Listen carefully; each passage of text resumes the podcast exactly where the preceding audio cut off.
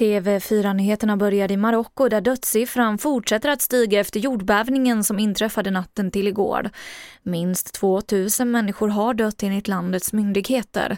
Ytterligare 1400 personer har skadats varav hälften uppges ha allvarliga skador. Och igår utlystes en tre dagars landssorg.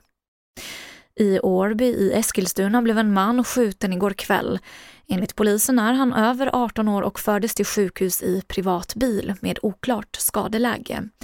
Rubriceringen är försök till mord och polisen jagar nu flera gärningspersoner men ingen är ännu gripen. Liberalerna får igenom 380 miljoner kronor i höstbudgeten på brottsförebyggande åtgärder i kommuner.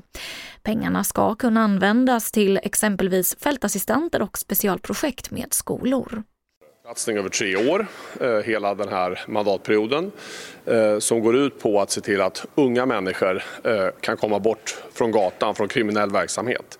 Det räcker inte med att vi satsar på hårda tag mot brott som begås av grova brottslingar. Vi måste bygga före, att hjälpa unga människor att få en bättre framtid.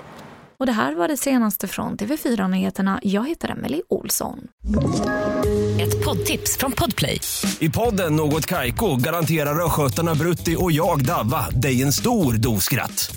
Där följer jag pladask för köttätandet igen. Man är lite som en jävla vampyr. Man har fått lite blodsmak och då måste man ha mer.